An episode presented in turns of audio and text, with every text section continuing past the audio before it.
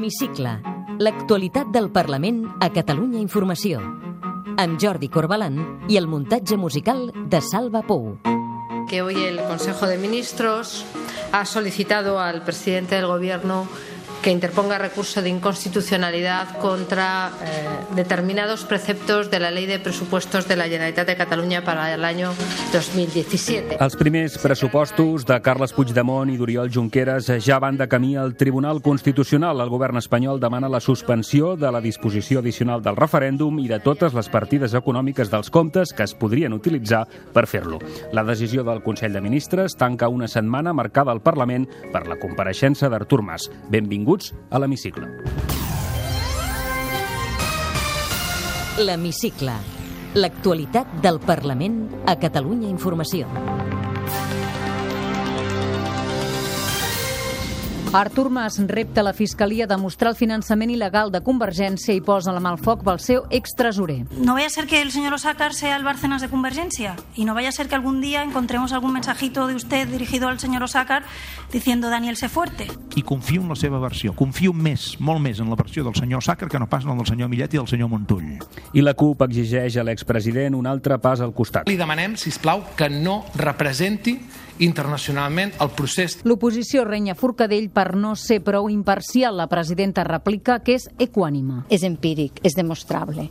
Evidentment, nosaltres estem treballant per defensar la llibertat d'opinió i continuarem fent i el dret d'iniciativa dels diputats i diputades malgrat les amenaces del Tribunal Constitucional i del govern espanyol.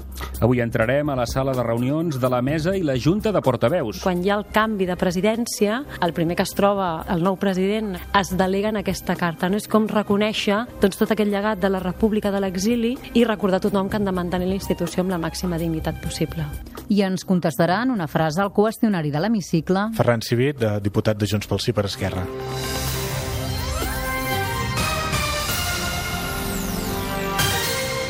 El govern de Mariano Rajoy envia els pressupostos del referèndum al Tribunal Constitucional el mateix dia que entren en vigor. El Consell de Ministres acorda presentar el recurs d'inconstitucionalitat contra la disposició addicional 41, la que recull el referèndum, i contra les partides del pressupost sospitoses de poder ser utilitzades per fer-lo. Ho expliquem amb Carme Montero. El govern espanyol vol que es deixi sense efecte la disposició addicional del referèndum, també el punt que recull la via pactada. També recorre les partides destinades a processos electorals, consultes populars i processos de participació ciutadana. L'advocacia de l'Estat posa aquesta vegada en el punt de mira del TC el govern de Carles Puigdemont i Oriol Junqueras. Demana que se'ls adverteixi a ells i a la resta de membres del govern que podrien incórrer en responsabilitats penals si desobeeixen. Sentim la vicepresidenta presidenta del govern espanyol, Soraya Sáenz de Santa María, y la respuesta del president de la Generalitat, Carles Puigdemont. Que en esa notificación advierta a todos de su deber de impedir o paralizar cualquier iniciativa que suponga ignorar o eludir la suspensión acordada y, en particular, que se abstenga de dictar acuerdo alguno de disposición de las partidas pressupostàries impugnades. El que esperaríem del govern espanyol és que col·laborés en l'exercici d'aquest compromís democràtic, no que hi posés pals a les rodes, però fins i tot posant-hi pals a les rodes, és evident que no ho podrà evitar seran els ciutadans de Catalunya, no el govern espanyol, no el constitucional, tampoc el govern de la Generalitat, els ciutadans de Catalunya els que decidiran què ha de ser Catalunya. El govern espanyol anunciava aquest recurs al Tribunal Constitucional l'endemà que la presidenta del Parlament, Carme Forcadell, es mostrava convençuda que el referèndum es farà al setembre. En un col·loqui al Born amb el diputat Lluís Llach, la presidenta va afirmar que l'estat espanyol té un problema amb Catalunya. Sí, sí, té un problema. El té sí, perquè és, és veritat, com s'atura la voluntat majoritària d'un poble, és que és molt difícil. És una força imparable i per tant jo crec que aquesta força és molt difícil és molt difícil aturar-la. Tot plegat mentre la mesa acceptava dimarts tramitar pel procediment d'urgència extraordinària la reforma del reglament que promouen Junts pel Sí i la CUP, que podria permetre aprovar en lectura única la llei que hauria de donar cobertura legal al referèndum. L'hemicicle El Parlament a Catalunya Informació. L'expresident de la Generalitat, Artur Mas, va reptar la Fiscalia a aprovar el finançament il·legal de Convergència la seva compareixença dimecres davant la Comissió d'Afers Institucionals. Artur Mas va tornar al Parlament per donar explicacions després de les confessions que Millet i els Montull han fet en el judici pel cas del Palau de la Música. Unes explicacions que no van convèncer l'oposició. Durant les més de 3 hores que va durar la compareixença, Artur Mas va tornar a posar la mà al foc per l'extresorer de Convergència, Daniel Osàcar. D'explicacions les que calgui. Dos, que no se'm faci explicar el què a criteri meu seria mentida. Tres, la meva confiança, concretament en el senyor Sàcar, és plena i total. Artur Mas va reptar el fiscal a demostrar que els governs de Convergència van adjudicar obra pública a canvi de comissions. Perquè el fiscal vol demostrar costi el que costi, pesi qui pesi, vol demostrar que hi havia un finançament irregular de Convergència a càrrec d'obra pública. I aquest mateix fiscal no investiga l'obra pública. Aquestes explicacions no van satisfer l'oposició que demana a Mas que assumeixi responsabilitats polítiques. Ciutadans i populars van demanar a l'expresident que no s'amagui darrere la independència per tapar els casos de corrupció que afecten el seu partit. Sentim un primer fragment de la cap de l'oposició i líder de Ciutadans al Parlament, Inés Arrimadas, i la rèplica de l'expresident fent un punt d'autocrítica. Que básicamente, si no lo he entendido mal, es que todo es mentira y que todo es falso.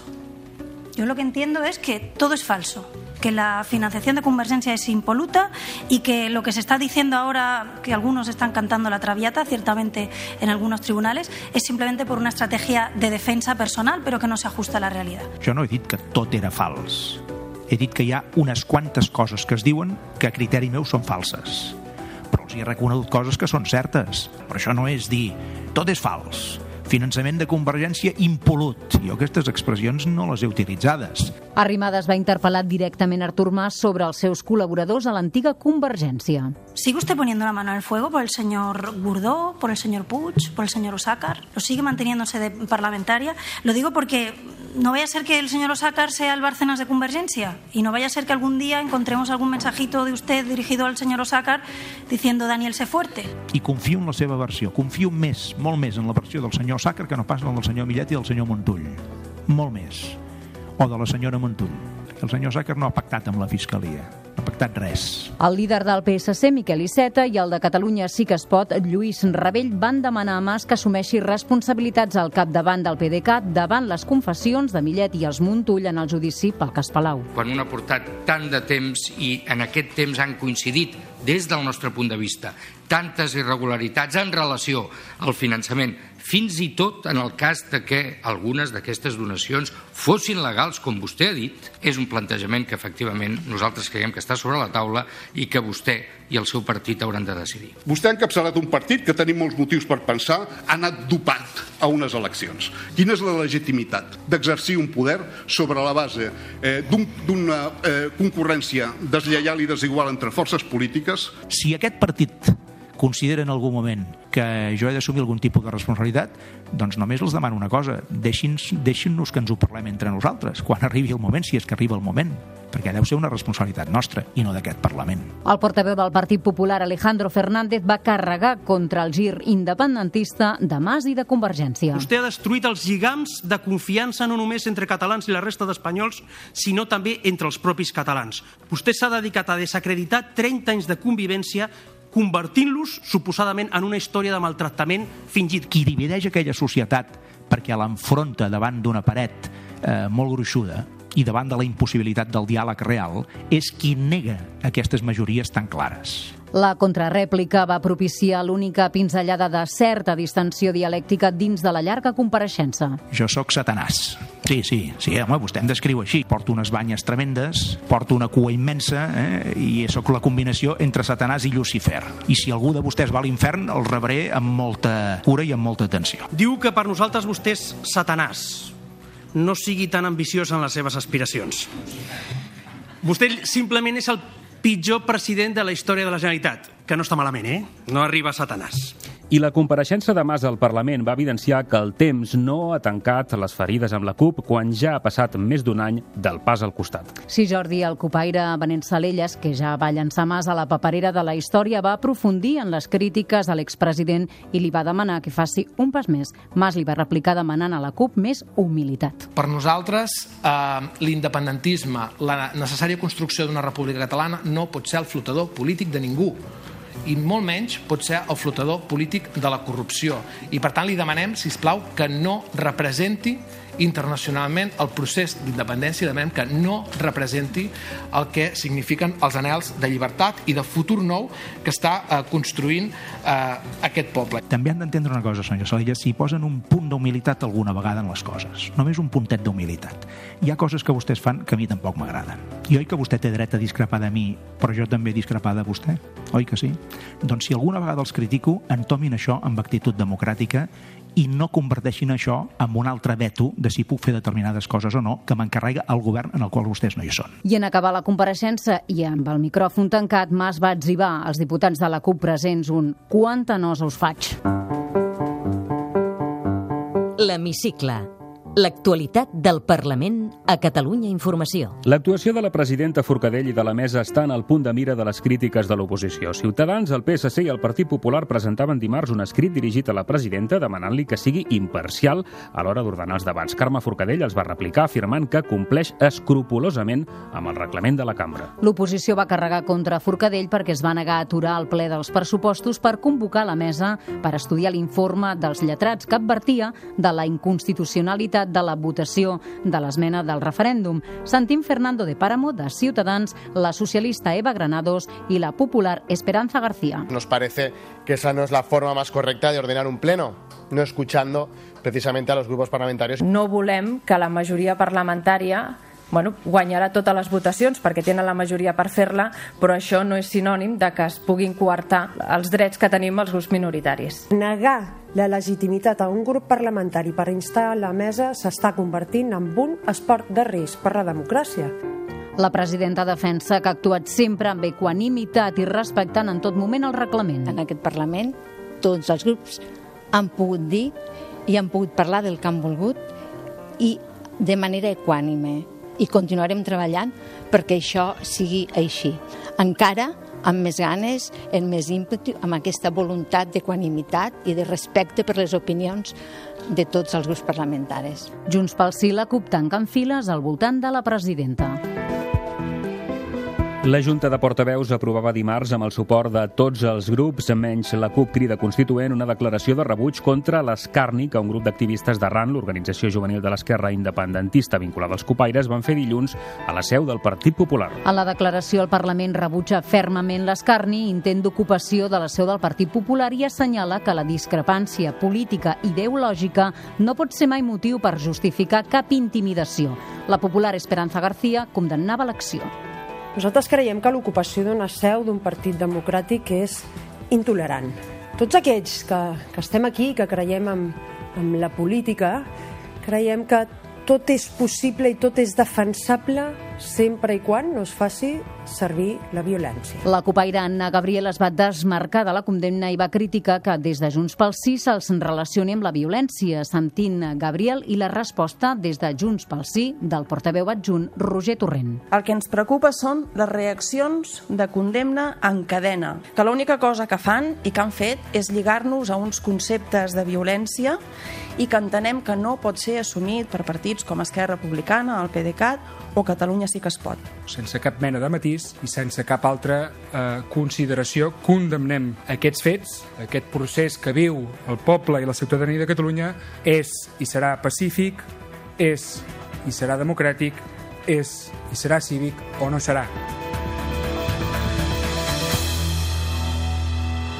La mesa i la Junta de Portaveus són els màxims òrgans de govern del Parlament quan no està reunit el ple. Darrerament, ara us ho explicàvem, s'han convertit en l'epicentre de decisions que provoquen controvèrsia parlamentària. La mesa i la Junta reuneixen habitualment els dimarts al matí en una de les sales nobles del Palau del Parlament. Avui us l'ensenyem. Visita guiada.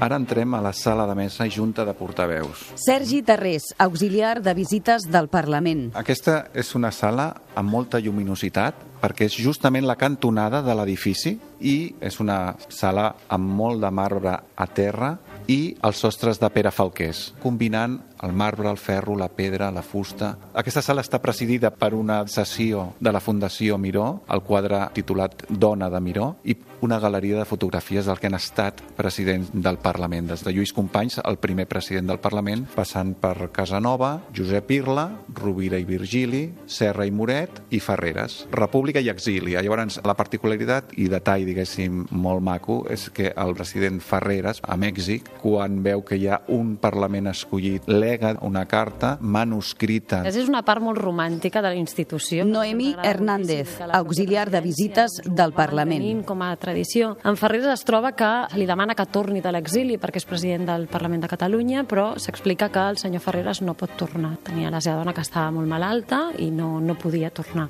Llavors envia una carta manuscrita al que sigui futur president del Parlament de Catalunya i el que fa és excusar-se de perquè no pot venir a Catalunya en un dia tan important i el que fa és dir mantinguin la institució amb la màxima dignitat possible, tal com nosaltres hem intentat fer-ho des de l'exili sense tenir cap mena de mitjà. Aquella carta la va agafar un treballador de l'època. Anava en nom del president del Parlament, però no sabíem qui seria el president del Parlament. Llavors, quan va ser escollit president del Parlament, l'Iber Barrera, doncs el que van fer va ser donar-li aquesta carta. Llavors, aquesta carta la va agafar l'Iber Barrera i el que va fer va ser instaurar una tradició. Quan hi ha el canvi de presidència, el primer que es troba el nou president es delega en aquesta carta. No és com reconèixer doncs, tot aquest llegat de la República de l'exili i recordar a tothom que han de mantenir la institució amb la màxima dignitat possible. Al centre de la sala té una taula, diguéssim, amb una forma d'òval. Aquí són seu la mesa, o sigui, els set membres de la mesa, el lletrat major, secretaria general i els portaveus. Per tant, aquesta és la sala per on passa tot el treball i tota l'organització del Parlament. Seria una mica com la sala de màquines que fa funcionar tot el Parlament. Aquí a la sala de la mesa, aquí es va elaborar l'actual Estatut d'Autonomia. Dilluns, dimecres i divendres es reunien aquests tres dies els ponents per redactar l'Estatut d'Autonomia. La, la nota curiosa és que aquest estatut és l'Estatut d'Autonomia, el del 2006, l'Estatut d'Autonomia de Catalunya.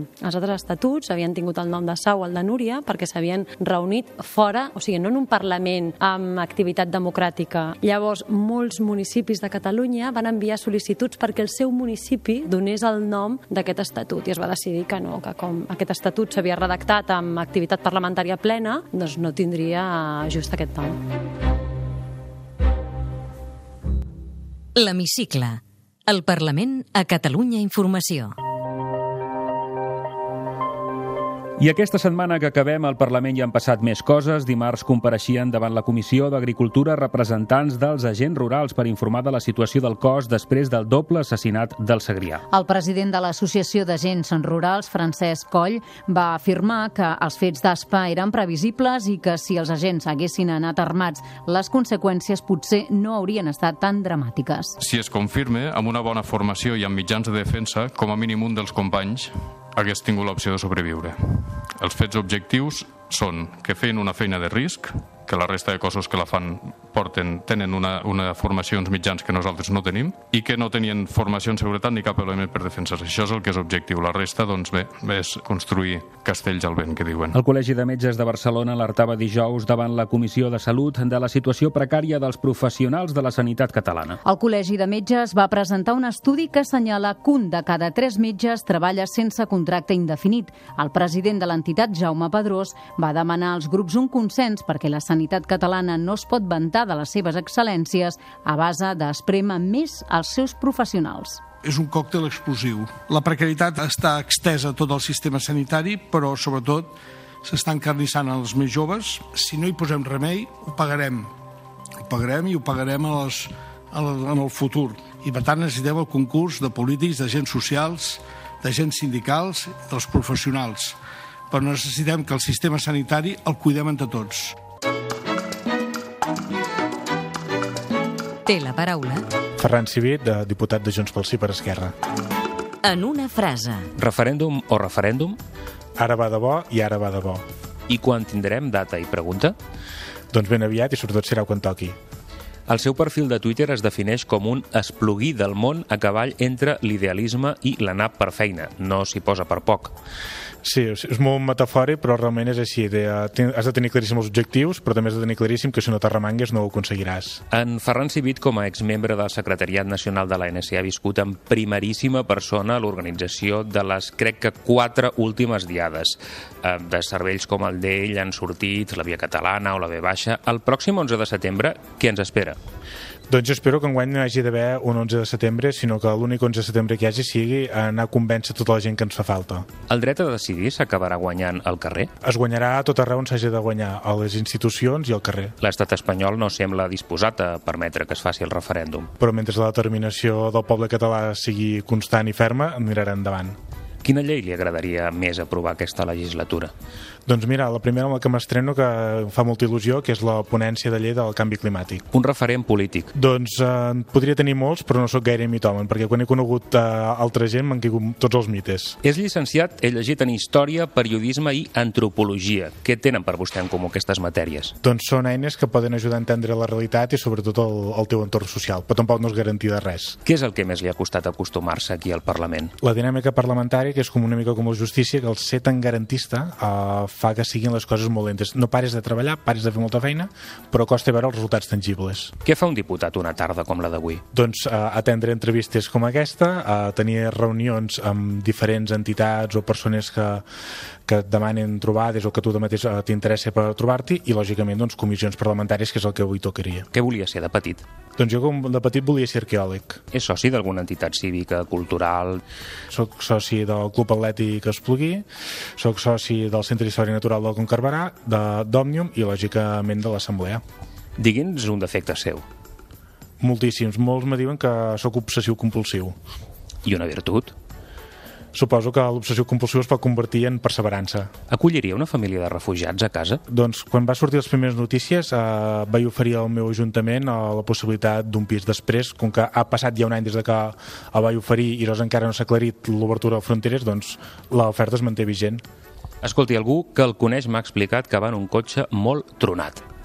Efectivament, és un cotxe que enguany s'hi m'independitza perquè fa els, els 18 anys. Això sí, he d'avisar que, com tota la gent que em coneix, que sóc molt amb el tema de les energies renovables i estic en, en llista d'espera per un cotxe elèctric. On s'escapa quan vol desconnectar del tot? Doncs m'escapo al lloc d'on surto, que és, que és l'Espluga de Francolí. Carn o peix? Doncs un dels meus somnis eh, seria ser vegà. Se li donen bé els fogons? Fatal, millor menjar. Dorm amb el mòbil a la tauleta de nit? El mòbil a partir dels 12 de la nit el deixo pagat en una altra sala, sempre.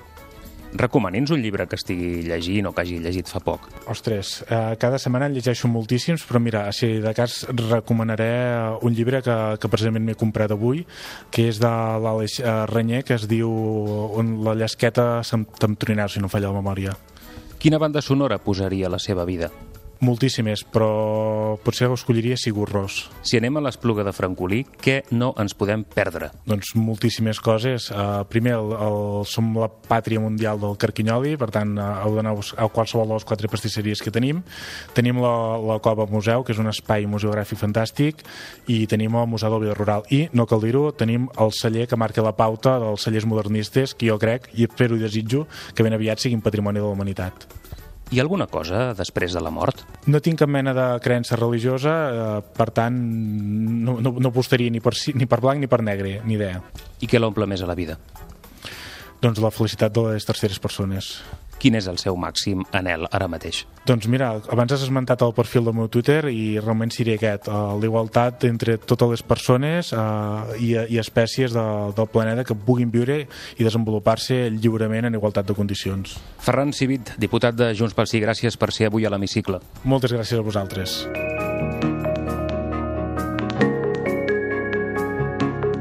Podeu tornar a escoltar l'hemicicle al web catradio.cat barra hemicicle i seguir l'actualitat del Parlament a través del Twitter a arroba hemicicle i arroba cati-política.